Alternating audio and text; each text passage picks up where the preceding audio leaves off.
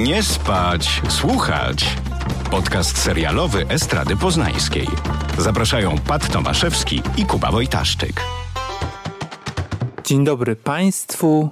Witamy w kolejnym odcinku audycji radiowej Nie spać, słuchać. Podajemy stan wód.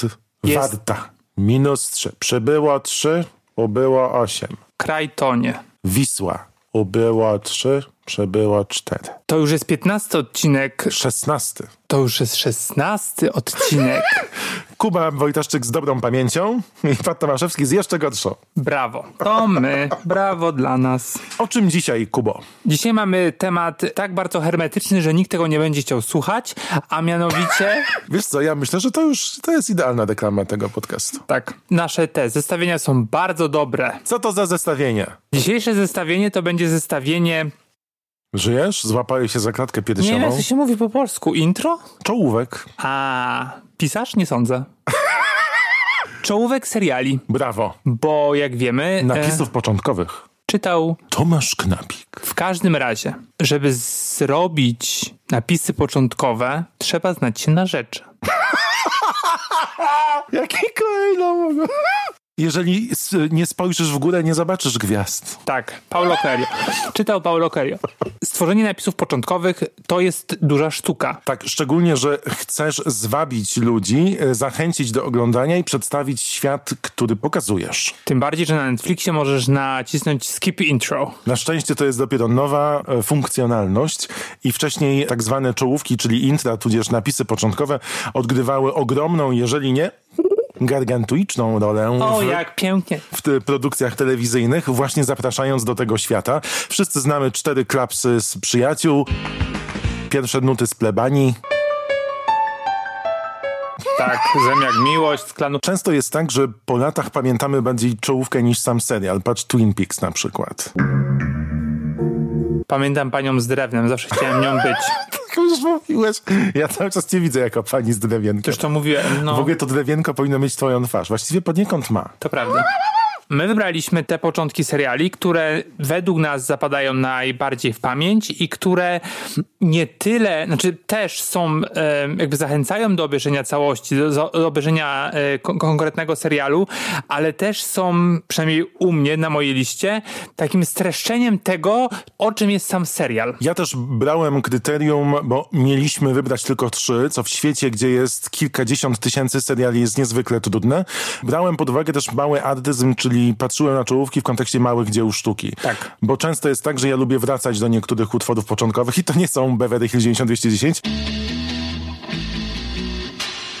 Chociaż jak byłem mały, to ustawiałem się czasem do lustra na ruchomym krześle, tak jak oni się obracali, jak były ich imiona i nazwiska. I nagrywałem czołówki nawet na VHS-ie, tylko same czołówki. I potem patrzyłem, jak się zmieniają i Brenda się zmieniała. Ja też e, myślałem, powiem o dwóch e, czołówkach, które w końcu nie weszły na moją listę. Jest to czołówka z True Blood a, i, i czołówka z True Detective z sezonu pierwszego. One są do siebie trochę podobne, bo to się dzieje na Dalekim Południu w Ameryce. I faktycznie to takie, taki klimat re- redneckowski tam jest bardzo zachowany.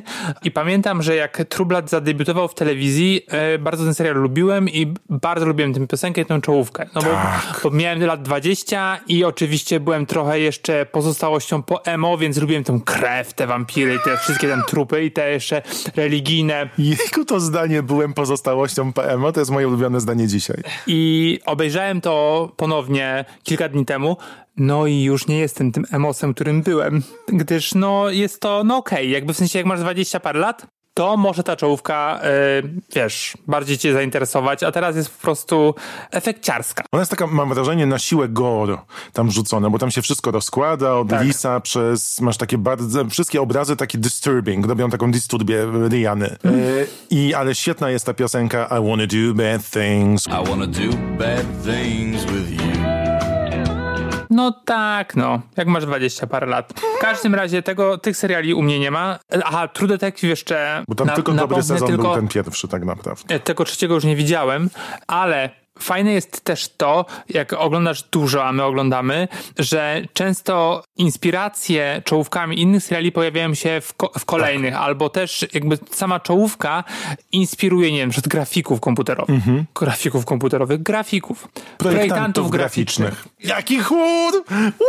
Jestem grafikiem komputerowym. Czymś tym... I tak było właśnie z True Detective, że pamiętasz, tam było, że bohaterowie, e, pojawiały się takie twarze bohaterów i w nich jakby były wtopione Krajobrazy. Krajobrazy. I to później po tym serialu bardzo silnie oddziaływało, nie wiem, w sieci. Wszyscy to robili, pojawiły się nawet aplikacje, które pomagały stworzyć z twojego zdjęcia coś takiego. I to jest ciekawe. Ja też bardzo lubię, jak twórcy bawią się konwencją i na przykład też na mojej liście nie ma trawki, gdzie te napisy początkowe przez trzy lata były bardzo konwencjonalne, przedstawiały historię, która wprowadza się w świat Agrestik, czyli małych przedmieść w Stanach Zjednoczonych, Little boxes on the hillside, little boxes all the same. ale tam co sezon to twórcy się bawili, bo na przykład w trzecim sezonie co odcinek i co czołówka to była inna wersja, interpretacja utworu muzycznego Little Boxes i potem wydano płytę z tymi remixami, więc było super. A od czwartego sezonu napisy początkowe miały do czterech sekund i przedstawiały jakąś scenę albo jakiś element związany z fabułą danego odcinka.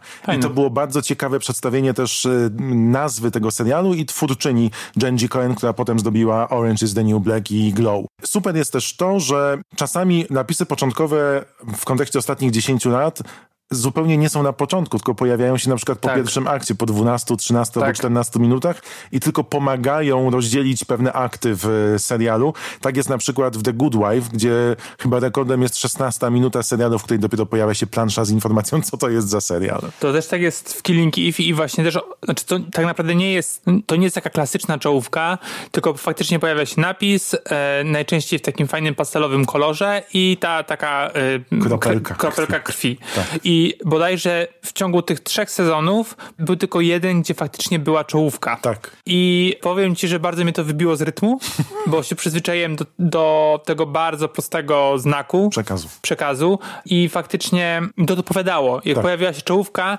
miałem wrażenie, że to się dłuży i przypominam na HBO, nie przewiniamy. Znaczy może musimy przewijać, nie możemy tylko kliknąć. Ale tak samo było z gotowymi na wszystko, bo w pierwszym sezonie było pełne intro nawiązujące do popkultury i do Warhola między innymi Tak. i do obrazów przedstawiających bardziej kobiety niż facetów. Przecież tam jabłko na początku Tak. też niszczyło mężczyznę w pierwszych ujęciach. A potem też były tylko napisy. W Lost Zagubieni czołówka to był tylko napis Lost. I... No, no, no. no. Więc zmieniał się ten trend bardzo. Jeszcze bardzo lubię też czołówkę z wszystkich wcieleń Tary, które pisała Diablo Cody, a produkował Mm. Steven Spielberg. Z Toni Collette, która grała tam chyba siedem postaci docelowo. I know we'll be just fine.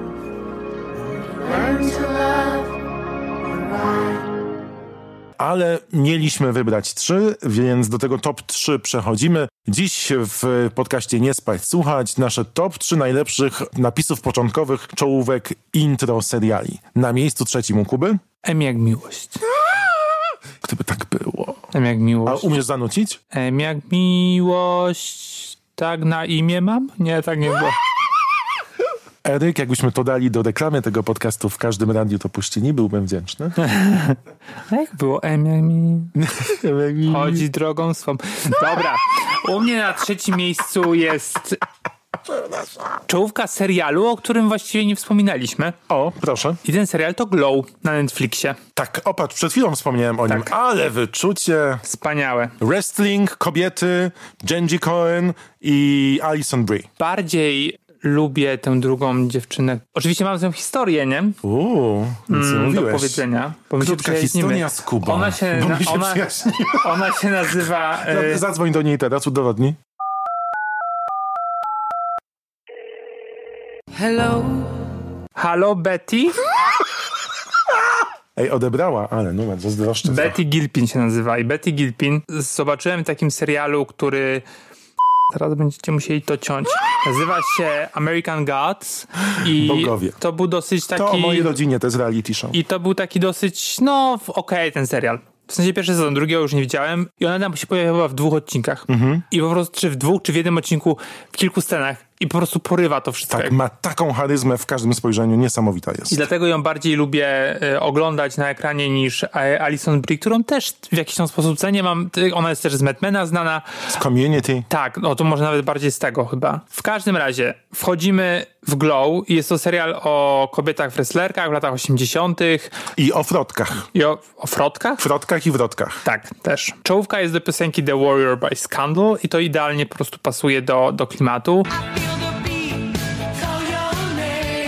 Mamy neonową animację i zaczynamy od przygotowań bohaterek do, do czegoś. Jeszcze nie wiemy do czego tak naprawdę. Tam jedna ćwiczy ze sztangą, druga się maluje, trzecia zakłada bodajże skarpetkę, no i później już jest napierdzielanka. Postaci w dużej mierze główne bohaterki serialu wykonują różne, e, różne figury takie wrestlerskie, czy tam skaczą, skaczą z gumy, znaczy jak to się, nie wiem, to się nazywa, z tego takiego, Ringu. no skaczą na ring z tej gumy, Tak. no i generalnie pokonują siebie. No i to jest właśnie taki, no, takie silne wejście w ten klimat serialu, no bo są to lata 80., a przecież lata 80. kojarzą nam się z neonami, nawet tej zaściankowej Polsce jak najbardziej też. No i piosenka jest o walce, e, ale też z punktu widzenia kobiety, więc to jest wszystko super dobrane. No i tak jak mówiłeś o małym dziele sztuki, to tak naprawdę jest, bo to jest taki, trudno nazwać, że to jest, nie wiem, no krótki metraż, ale generalnie ktoś się napracował, żeby stworzyć coś, co może funkcjonować zupełnie oddzielnie poza tym serialem. No i też to jest fajne, bo jak myślimy o, właśnie o, jakby o tym serialu, no to on porusza takie problematy- problematyczne kwestie, no bo te kobiety, które tam występują w tym ringu, odgrywają stereotypy, czy to względem rasy, czy względem płci. I wydaje mi się, że przez to, że jakby ta czołówka jest na, nakierowana na, tylko na kobiety e, i nie ma tak naprawdę tam mężczyzn, pokazuje, że później te stereotypy zostaną wypunktowane i jak, w jakiś sposób przepracowane przez to, jakie bohaterki, jakie bohaterki poznajemy, pomimo, że główne, głównymi są dwie białe laski. Wczoraj słuchałem jednego z podcastów, ale już nie pamiętam, który to był, gdzie mówiono właśnie o serialu Glow w kontekście tego, że to, co robią bohaterki serialu Glow, bardzo przypomina drag. Że one tam tworzą sobie persony, wymyślają właśnie zachowania, stereotypy i nie ma w telewizji poza programami reality, które opisują drag, czegoś równie bliskiego tej sztuce, tej formie sztuki. Tak, to prawda. I, e, i to widać, jakby w sensie one, każda z tych postaci ma mm, swoją sceniczną personę. Chciałem powiedzieć, że tak jak słucham czas co jakiś czas podcastów, to zawsze uważam, że ładuję do głowy e, wiedzę bezużyteczną często, bo jest tyle tych informacji dawkowanych i nigdy nie myślałem, że wykorzystam te informacje, a tu proszę, jak się dzisiaj przydała. Ta akurat jest bardzo, bardzo e, przydatna. To tak. E, Zachęcamy do słuchania wszelakich podcastów. Czyli na trzecim miejscu Glow u Kuby. U mnie na trzecim miejscu jest coś mniej konwencjonalnego, ale uważam, że to wielkie dzieło sztuki, bowiem nie dosyć, że odnosi się do historii sztuki, to jeszcze do ciekawej formy zabawy muzyką i treścią. Serial nazywa się Mozart in the Jungle. Jest to produkcja Amazona, która e, ni stąd, ni zowąd na jednym z rozdań Złotych Globów zdo- zdobyła najważniejsze statuetki, bo i za serial, i za kreację. W roli głównej gra Gael Garcia Bernal, którego możemy znać, pamiętać z dzienników motocyklowych, gdzie grał Che Guevara. Ze złego, z, złego wychowania. Tak, z u Almodovara. To, co ciekawe, to też to, że producentem serialu jest Jason Schwartzman. E, Jest również syn Francisa Forda Coppoli. On ma chyba na imię Roman, tak sprawdziłem. Roman Coppola też był drugim reżyserem w dwóch najważniejszych filmach Sofii Coppoli, czyli Przy Między Słowami i Przekleństwach Niewinności. I oni razem tworzą właśnie serial, który opowiada o kulisach pracy muzyków nowojorskiej orkiestry symfonicznej. Tam też świetnie gra Saffron Burrows, e, ona jest tam super. I serial powstał na podstawie książki, która nazywa się Mozart and the Jungle Sex, Drugs and Classical Music i opowiada bardzo niekonwencjonalnie historię właśnie tej nowojorskiej orkiestry, do której nagle przybywa dyrygent, który jest takim hedonistą, łapie świat, czuje emocje, jest wolnym duchem, no i wchodzi w to dosyć sztywne środowisko i stara się zdobyć rewolucję muzyczną. I od drugiego sezonu tego serialu Teddy Blanks, który jest założycielem i jednym z głównych designerów w studiu projektowym Chips, zaproponował, żeby zinterpretować czołówkę inaczej do każdego odcinka, skupiając się na różnych instrumentach. A to, co jest ciekawe w czołówce serialu Mozart in Jungle, to to, że ona w klasyczny sposób przedstawia bardzo znaną i lubianą piosenkę Listomania grupy Phoenix. Listomania. From a mess to the masses, listomania. Tyle, że... to nic stąd, nic zowąd sobie zaśpiewałem. Tyle, że zagraną na orkiestrę symfoniczną.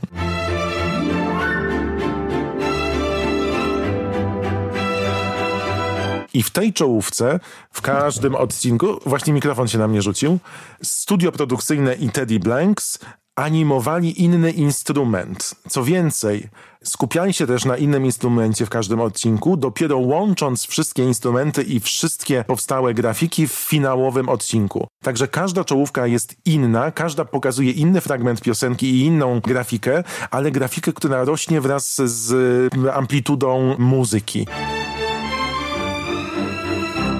To jest super, bo nie dosyć, że masz taką fajną grę kolorem, zabawą, planszą, to jeszcze dodatkowo wszystkie kształty, które pojawiają się na ekranie, są inspirowane okładkami płyt klasycznych z lat 40, 40 z lat 40. Inspirowane są okładkami płyt symfonicznych i klasycznych z lat 40. i 50., a w szczególności bardzo ciekawymi kształtami Alexa Steinweisa. I to jest super. I tak też wyglądała ta czołówka w trzecim i w czwartym sezonie i jak sobie wejdziecie na Vimeo i wpiszecie Mozart in the Jungle, to to są małe dzieła sztuki. Gorąco polecam. Czy widziałem ten serial? Nie. A słyszałeś? O nim tak. Naprawdę, pierwsze dwa sezony są super. W trzecim pojawia się nawet ojejku, Monika Bellucci. O. O, I nie mówi aqua polaka di qualita superiore. Kazose? Mm. ona była super w Matrixie. Dobra. Drugie miejsce u Kuby. Drugie miejsce, o tym serialu mówiliśmy tak często, ile jest tych odcinków i jest to serial po, pod tytułem Sukcesja.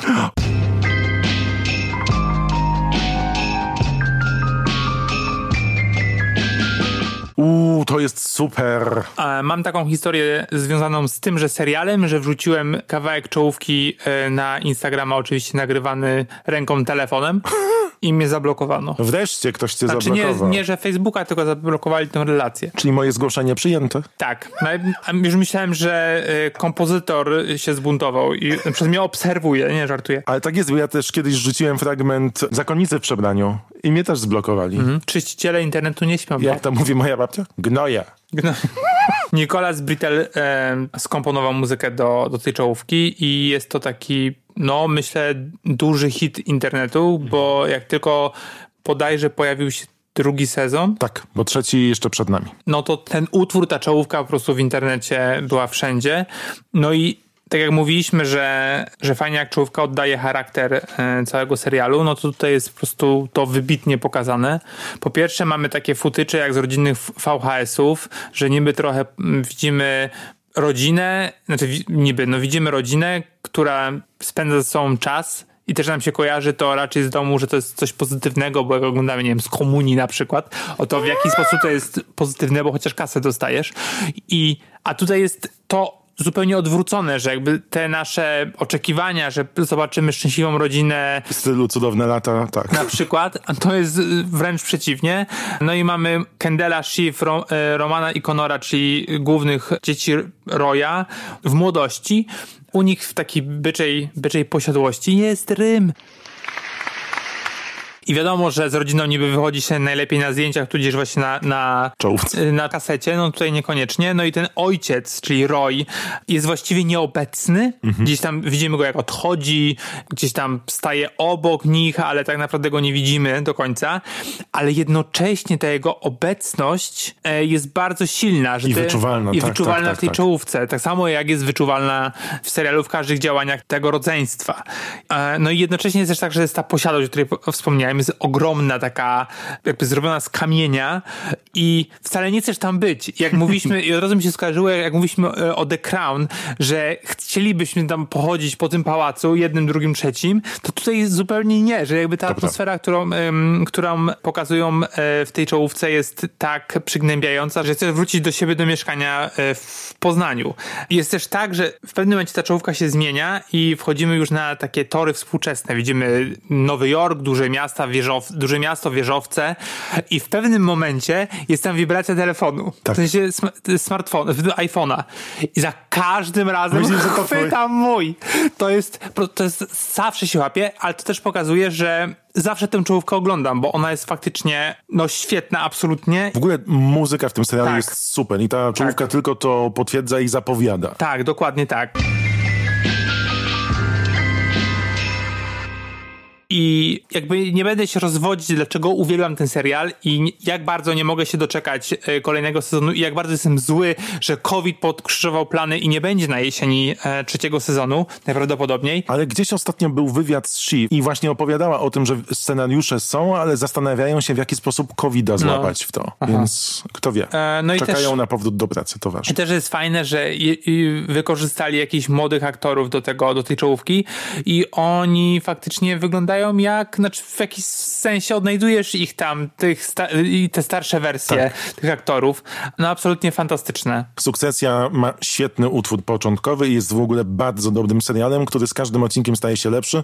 Ja pamiętam, że kiedy zasiadałem do drugiego sezonu, to myślałem, że lepiej być nie może, a z każdym odcinkiem było Tak, lepiej. tak, to prawda. I ciary miałem na rękach, a to w jaki sposób ta rodzina potrafi siebie nawzajem wrzucać pod pociąg, to jest... Tak, Ło. tak. Ta wspaniała scena w, na statku, e, jak zastanawiają się, kogo właśnie wepchnąć pod ten, pod ten pociąg. I jednocześnie super. jedzą krewetki. Przed... Jednocześnie jedzą krewetki. Kocham, absolutnie. Kręcona w Chorwacji. Tak. Aha, i tam w ogóle w, w tym odcinku Shiv y, czyta książkę Runimary. Tak. Więc w ogóle zataczamy wspaniałe, po prostu wspaniały krąg A tutaj. nie Sally Rooney? No co powiedziałem? Runimary. Runimary. Tak, to właśnie jej książkę czyta. Czary Biografię. Mary, Runimary. Runimara to jest taka też aktorka, więc można się pomylić. U mnie na drugim miejscu jest, zresztą na drugim i pierwszym, jak się okazało, są produkcje tej samej wytwórni czołówek, czyli studia, które nazywa się Digital Kitchen, którego e, producentem kreatywnym i jednym z założycieli jest Eric Anderson, który ma takie wyczucie i oko, że mam ochotę po prostu polecić do Nowego Jorku i przybić mu piątkę za wszystko, co zrobił dla telewizji, chociaż to nic nie znaczy. Hej, jestem Pat z Polski, chciałem ci przybić piątkę. Policja. Ej, w ogóle dzisiaj słuchałem a propos Polski i zagranicznych twórców, Mhm. że za, zaproponowano i chyba jej perfekcyjnie zaproponowała Rupolowi, żeby przyjechał do Polski. Nie, nie, nie sądzę. Nawet nie było mowy o kasie, tylko po prostu powiedział Polska mm, na, na How co ma. no? U mnie na drugim miejscu właśnie jest e, czołówka stworzona przez Erika Andersona w studiu Digital Kitchen. Dexter. O seryjnym mordercy, który ma kodeks i stara się zabijać innych morderców, żeby zaspokoić swoje dzikie żądze. Czwórka osób, które produkowały ten serial, czyli Clyde Phillips, Sarah Colleton, John Goldwyn i Michael Questa, który też wyreżyserował kilka odcinków, spotkali się właśnie z Erykiem mm, Andersonem i powiedzieli mu, że bardzo im zależy, żeby motyw otwierający serialu Dexter, który jest pełen przemocy, pokazywał zwykłe życie i bardzo mocno postawili ten mianownik na hasło zwykłe. Całe studio miało następnie burzę mózgów i powiedzieli, że co by było, gdyby pokazać poranny rytuał Dextera Morgana, który tak jak my wstaje, je śniadanie, ubiera się, ale pokazując, że zwykłe rzeczy w naszym otoczeniu, które codziennie robimy, można pokazać ukazując pewną przemoc. I na przykład wiązanie buta, albo rozbijanie jajek, albo mielenie kawy może nabrać drugiego znaczenia. I kiedy podrzucali ten pomysł e, z mnóstwem innych agencji, pokazali ujęcie brody w bardzo dużym zbliżeniu i przejechania palcem po brodzie. E, Eryk w jednym z wywiadów powiedział, że to jest ujęcie, które to studio kupiło jako idealne do czołówki, które pokazuje zwykłą rzecz, z którą na co dzień się spotykamy w niezwykły sposób. I tak też powstała czołówka Dextera, która kręcona była w trakcie trwania zdjęć do serialu, więc e, twórcy ze studia Digital Kitchen mieli tylko na przykład 10 minut do dyspozycji Michaela Sichola, żeby ją nagrać, bo był między zdjęciami. Jak właśnie powiedziałeś o tej czołówce, zupełnie o niej zapomniałem. I musiałem teraz sobie na szybciutko sprawdzić, gdyż żyjemy w XXI wieku i mamy internet i telefon i można wszystko naraz zobaczyć. I sprawdziłem na szybciutko i faktycznie to jest ekstra czołówka, pomimo, że o niej zapomniałem. I od razu mi się skojarzyło, jak mówię, że się goli. E, Jest taki krótki metraż Martina Scorsese, nazywa się The Big Shave, gdzie koleś właśnie no nie, jakby jest bardzo brutalny, ale jakby generalnie się goli brzytwą i to ewidentna inspiracja, w sensie to, jakby na plus, nie? Kolory też są ciepłe i to, co jest Tak. super, że muzykę do czołówki napisał Rolf Kent, który y, grał wcześniej i komponował między innymi do Bezdroży. O,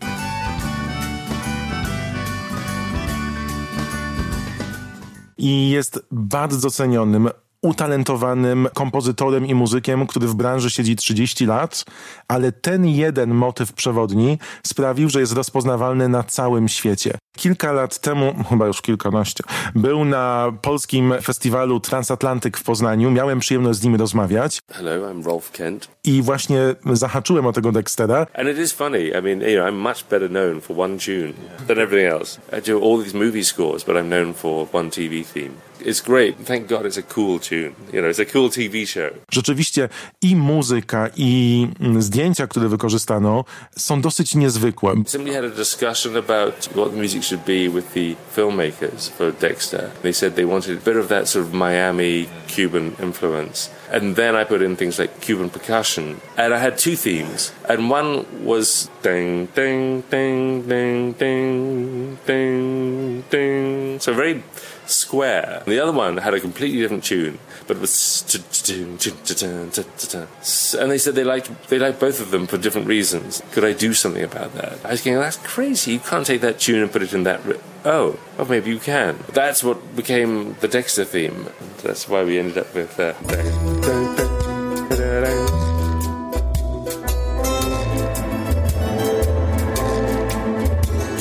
I czołówka Dextera jest moją, jedną z moich ulubionych i też bardzo polecam, żeby wpisać sobie w YouTube Dexterowicz i zobaczyć w jaki sposób Polacy przedstawili czołówkę Dextera prawie jeden do jeden, tylko z wykorzystaniem polskich motywów. Michael C. Hall. Jest taki trochę, że jakby nikt już o nim trochę nie pamięta.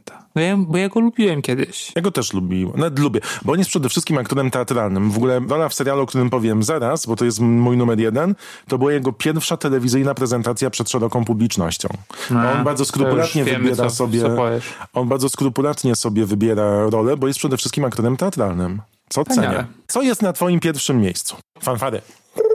Tak jak właśnie mówiliśmy o tym, że, że często czołówka żyje własnym życiem i chyba tak trochę, przy, przynajmniej przy mojej dwójce, jedynce jest, o jedynce zaraz powiem, to tutaj w czasie wszystkich sezonów widzowie spekulowali, czy czołówka nie przewiduje te, finału, finału serialu.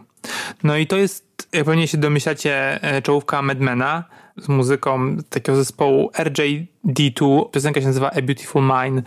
Nie miałem pojęcia o tym zespole, tej piosence, że to ma taki tytuł.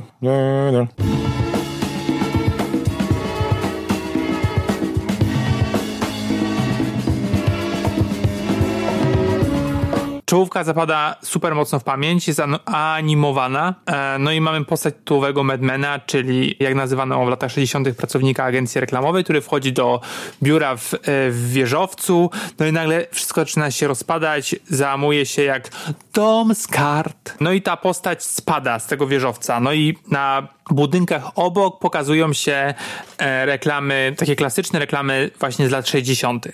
No i to mamy taki, wiesz, glamour, sukces, American Dream, no i przez to, że on spada, no oczywiście to jest wielka metafora, że to jest ściema tak naprawdę, że, że nie dla wszystkich Amerykanów ten American Dream był- jakby jest cały czas pisany. No i widzimy tą kruchość, tą, właśnie tą, tą ściemę. No i wydaje mi się, że jakby to idealnie jakby oddaje ducha tego serialu, pomimo, że te tam lata się zmieniały, to jakby ten, ta reklama pozostawała trochę taka sama w jakiś sposób. E, No i ta spekulacja dla mnie, to co robili wi- widzowie właśnie z tą czołówką jest fajna, jest interesująca, że jakby tak chciano wiedzieć, co się stanie z Donem, czy skoczy z tego wieżowca, czy jakby Tak. Pamiętasz, były nawet te spekulacje, że koniec Dona jest związany z tym, że on jest staruszkiem i spadnie z World Trade Center, że to jest ten e, image. Tak, tak, tak, No, no właśnie, nie? To jednak mi bardzo się podobało. No i ta piosenka jest fantastyczna.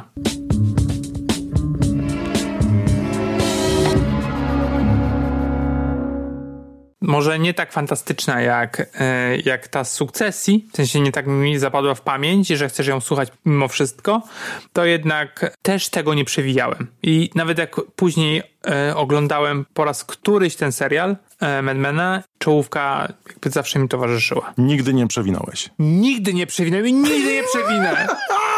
To jest Mad Men i na miejscu pierwszym u Kuby czołówka z tego serialu.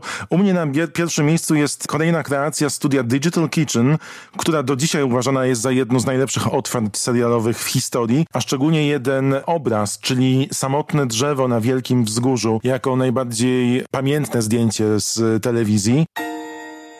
Ponownie tutaj jednym z autorów konceptów był em, właściciel i współtwórca tego studia The Digital Kitchen, czyli Eric Anderson, ale reżyserem był młody człowiek Danny Young. To był jego pierwszy projekt i zgłosiło się do niego HBO, które razem z Alanem Bolem postanowiło nakręcić serial o losach i codzienności rodziny, która prowadzi zakład pogrzebowy.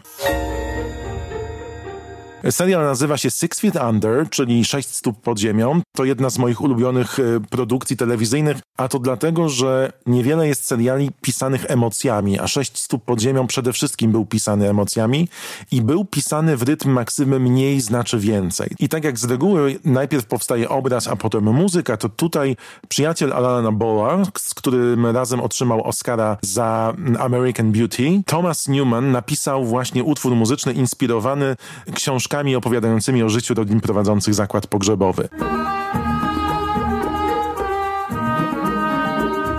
Jest coś pięknego w tych jego nutach i to, co mnie urzekło bardzo, to sposób, w jaki studio Digital Kitchen podeszło do tematu, pokazując ponownie nieoczywistości, bo jak każdy słyszy zakład pogrzebowy, to widzi te najgorsze elementy. A oni postanowili znaleźć piękno w małych rzeczach, w małych czynnościach i zestawili obrazy świata zakładając na nie bardzo ciepłe, niebiesko-zielone i szare barwy, z codziennością życia zakładu pogrzebowego. Czyli od mycia rąk, po różne płyny balsamujące, poprzez pracę tanatologa, czyli osoby, która opiekuje się, ubiera i maluje. To, co jest też e, ciekawe, to to, w jaki sposób ten najbardziej kultowy obraz telewizyjny, czyli to drzewo na wzgórzu, powstało. Szukali bardzo długo wzgórza. Zdjęcia powstały w Seattle zimą, więc naprawdę jak drzwi w lesie znaleźć wtedy drzewo, które kwitnie. Szukali poprzez różne ogłoszenia w prasie osób, które chciały oddać drzewa, na przykład swoje. I znaleźli jedno drzewo w jakiejś dzielnicy domków jednorodzinnych, kupili je za 400 dolców, posadzili je na tym wzgórzu i ono się przechylało. Więc są zdjęcia, gdzie to drzewo na wzgórzu z 600 pod ziemią, żeby utrzymać, jest wsparte linami metalicznymi, A. żeby nakręcić. I co ciekawe, prawo zabroniło im pracować z krukiem, który pojawia się w czołówce. Mieli zgodę tylko, żeby pracować z trenerem i z wroną, która udawała kruka. No. Proszę. Three-Eyed Raven. To jest SNL. Powstała czołówka z muzyką Thomasa Newmana, która do dzisiaj według mnie jest jedną z najlepszych czołówek telewizyjnych. To prawda, bardzo lubię tę piosenkę również, ten utwór muzyczny. Brawo. I co? A, miałem powiedzieć o tym, że ten serial, jego całego nie widziałem, w każdym razie oglądałem go chyba mniej więcej w tym samym czasie, jak był CSI i w liceum bardzo lubiłem jeden serial i drugi. E, jak oglądałem e, CSI, to chciałem tam kroić to wszystko i tak dalej. I później, ale uznałem, że no jednak ta biologia, no trochę chyba nie za bardzo mi z nią po drodze. I później właśnie było w, w sześciu stopach pod ziemią, że tam sobie malujesz, ubierasz. Ja mówię, to jest prostsze. Czyli tanatolog. I nawet na studiach szukałem, jak tym zostać. Nie. No raczej, to jest super praca. Ale to u nas to za drogo kosztuje. Tak, certyfikat kosztuje 400 dolców, żeby zostać. No, więc porzuciłem Albo te... 4000? Kiedyś sprawdzałem też, bo mnie ciekawiło, ile w Polsce się zarabia na taki, bo robiłem jakiś artykuł, pisałem jakiś artykuł, albo mówiłem w radiu o tym. E, Natomiast chciałem jeszcze powiedzieć, że ci, którzy kochają muzykę sześciu stóp pod ziemią, to Thomas Newman napisał tylko ten utwór początkowy, a za resztę muzyki, która jest według mnie jedną z najlepszych, bo właśnie pisaną w rytm maksymy mniej znaczy więcej, odpowiada Richard Marvin i to jest hit w ogóle. Miałem też przyjemność z nim rozmawiać. Kumpel Stinga, jak się okazuje, ale zaczynał swoją przygodę z y, utworami w takiej kooperatywie muzyków, gdzie pracowali razem z Mike'iem Postem i na przykład siadali sobie w kółeczku i wymyślali muzykę, która następnie była w fatalnym zauroczeniu, w Uwierz w ducha, w drużynie A i Okej. tak sobie działali, tworząc większość popkultury, którą my znamy, więc Richard Marvin też jest bardzo, bardzo dobry. On też napisał właściwie każdą nutkę w serialu DOC Życie na fali, albo w Terapii, która była w HBO nawet w polskiej wersji Tak. pokazywanej. In Treatment w oryginale. Także to są nasze top 3, jeżeli chodzi o czołówki. Zachęcamy do tego, żebyście je odkrywali i wypisywali również swoje top 3 w komentarzach. Tym samym przechodzimy do sekcji polecamy. Polecamy. Ja dzisiaj polecam film, który zrobił na mnie bardzo duże wrażenie. Śmiałem się e, do łez. O ty, to rzadkość. To bardzo duża rzadkość i nazywa się ten film Palm Springs i jest to produkcja, którą kupiła stacja Hulu. Good day so far? Today, tomorrow, it's all the same. What is Za reżyserię odpowiada Max Barbacow, a mm, za scenariusz Andy Sierra. Siara się na, y, pisze, więc Ciara. Andy Siara. Siarzewski? Um, Siara, jak z Killera. Buenos Aires. Główne role Andy Sandberg, którego między innymi możecie kojarzyć z SNL, a do chyba niedawna z Brooklyn Nine-Nine. Cały czas. Tam jeszcze Cały czas, kręcą. tak. Jego partnerką w serialu e, jest, jest Sara, czyli Krystyna Milotti, aktorka, którą możecie kojarzyć bodajże z, z serialu Jak poznałem coś tam matkę, tego nie widziałem nigdy. Waszą matkę. Jest to mega inteligentna wariacja na temat Dnia Świstaka. Bohaterowie, właśnie, bohaterowie budzą się na weselu, właśnie siostry e, Sary. No i muszą jakoś, nie wiem, przeżyć ten, ten czas e, w tym jakby czyśćcu. I tak jak powiedziałem, jest to super inteligentne i bardzo przewrotne właściwie z Dniem Świstaka ma tylko ten wątek taki tej powtarzalności, tego budzenia się, ale na przykład tak jak e, Andy McDowell była ty, w Dniu Świstaka była tylko Głównym obiektem westchnień Billa tak, Murraya. i tyle. Tak. A tutaj jest tak, że faktycznie jest ten romans pomiędzy Nilesem i Sarą, ale Sara również budzi się i również przeżywa ten dzień świstaka. A, Tak. I do tego dochodzi to, że ona faktycznie jest w tym wszystkim aktywna. I nie chcę za dużo zdradzać. tak, lepiej nie zdradzę, niech y, słuchacze się przekonają. Ja słyszałem o tym filmie same superlatywy. Tak, jest ekstra. Jest bardzo fajny, lekki, a jednocześnie gdzieś ten ukryty przekaz Jest. jest. Czyli film nazywa się Palm Springs, a propos, nie wiem czy wiesz, ale będą robili telewizyjną wersję Dnia Świstaka. Ogłosili to w zeszłym tygodniu. No jak zrobiłem ciekawie. Jestem też ciekaw tego. Ja polecam coś innego, coś nowego, czyli stały cykl wideo na YouTubie, tworzony przez platformę Funny or Die. To jest mój ulubiony cykl z tej platformy, poza parodią filmów o Meryl Streep z Christiną Applegate. Zobaczcie sobie, reklama filmu Meryl, gdzie zmyślają fakty na temat życia Meryl Streep. Honestly, we kind of struggled to find dirt on Meryl, so we made things up. I mój ulubiony cykl nazywa się Telenovelas Are Hell. Opowiada, w 4 minuty streszcza nam całą telenowelę, którą bardzo dobrze znamy i kochamy z lat 90. i 2000. pokazywane w Polsce od Marii z Przedmieścia przez Rosalindę po La Usurpatore w niesamowicie fantastycznie komediowy sposób. Lektorka, która pokazuje nam, co się dzieje w tej telenoweli, opowiada o każdej nienormalnej rzeczy, która w tej telenoweli się znalazła. In a telenovela, everyone's life is hell. One day later, everyone is super happy and not traumatized at all by the insane shit that's just happened.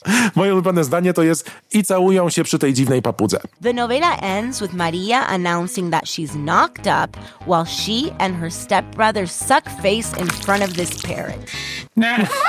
Gorąco polecam, to jest najśmieszniejsza rzecz związana z przeszłością i z nostalgią, jaką widziałem od dawien, dawien dawna. Cykl nazywa się Telenovelas Al Hell, jest po angielsku i po hiszpańsku, więc robiony dwujęzycznie i obie wersje są wspaniałe. Będziecie płakali ze śmiechu, przypominając sobie, jak to z rodziną siedziało się oglądając na przykład Esmeraldę czy Rosalindę. Cudeńko. Ja już muszę iść. Do widzenia. Dziękujemy. Pa! Nie spać, słuchać. Producentem podcastu jest Estrada Poznańska. Wszystkie odcinki znajdziesz na estrada.poznan.pl. I wiadomo, że z rodziną niby wychodzi się najlepiej na zdjęciach, tudzież właśnie na na na na na na na na na na na na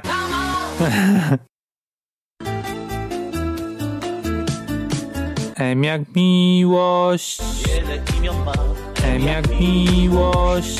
Nieporządna tak. Tak na imię mam? Nie, tak nie było